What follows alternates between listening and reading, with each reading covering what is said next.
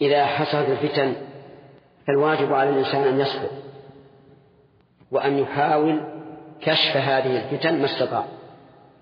ولا يجوز أن يعتزل الناس ما دام قادرا على أن يساهم في إزالة هذه الفتن أو تخفيفها. نعم لو فرضنا أن الرجل لا يستطيع أن يدافع عن هذه الفتن ويخشى على نفسه فهنا الأولى أن يعتزل الناس.